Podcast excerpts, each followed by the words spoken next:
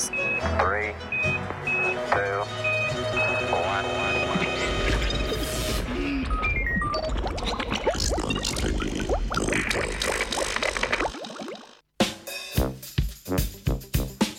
Zakaj bolijo sklepi pri revmatoidnem artritisu?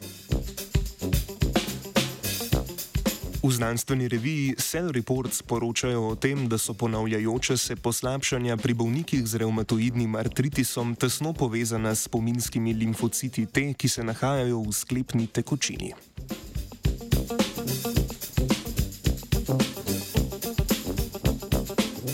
Revmatoidni artritis je sistemska avtoimunska bolezen, za katero je značilno unitje sklepov.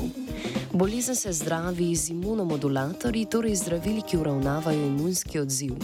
Pri vsakem bolniku pa se izrazi v različnih sklepih. Kateri sklep bo zaradi bolezni boleč in deformiran, se pokaže že v prvem letu po postavitvi diagnoze.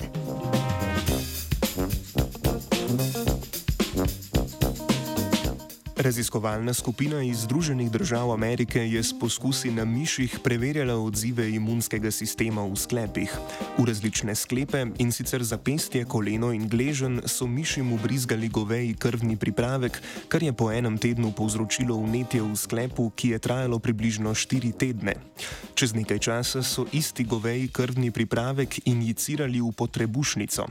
Istovrstni antigeni, ki so v dotičnem sklepu prvotno povzročili vnetje, so tako po krvnem obtoku pripotovali tudi do omenjenega sklepa in tam spet povzročili vnetje.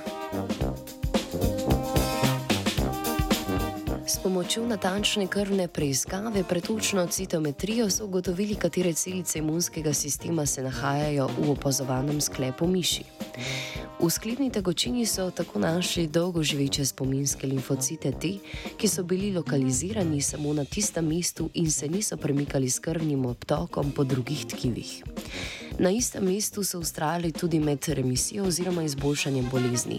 Njihovo število pa se je močno povečalo ob ponovnem izbruhu vnetja v dotičnem sklepu. Ta pojav je bilo moč opazovati, opaziti tudi do 8 mesecev po bolezni. Odstranitev dolgoživečih spominskih limfocitov T je pričakovano zmanjšala število izbruhov v sklepih.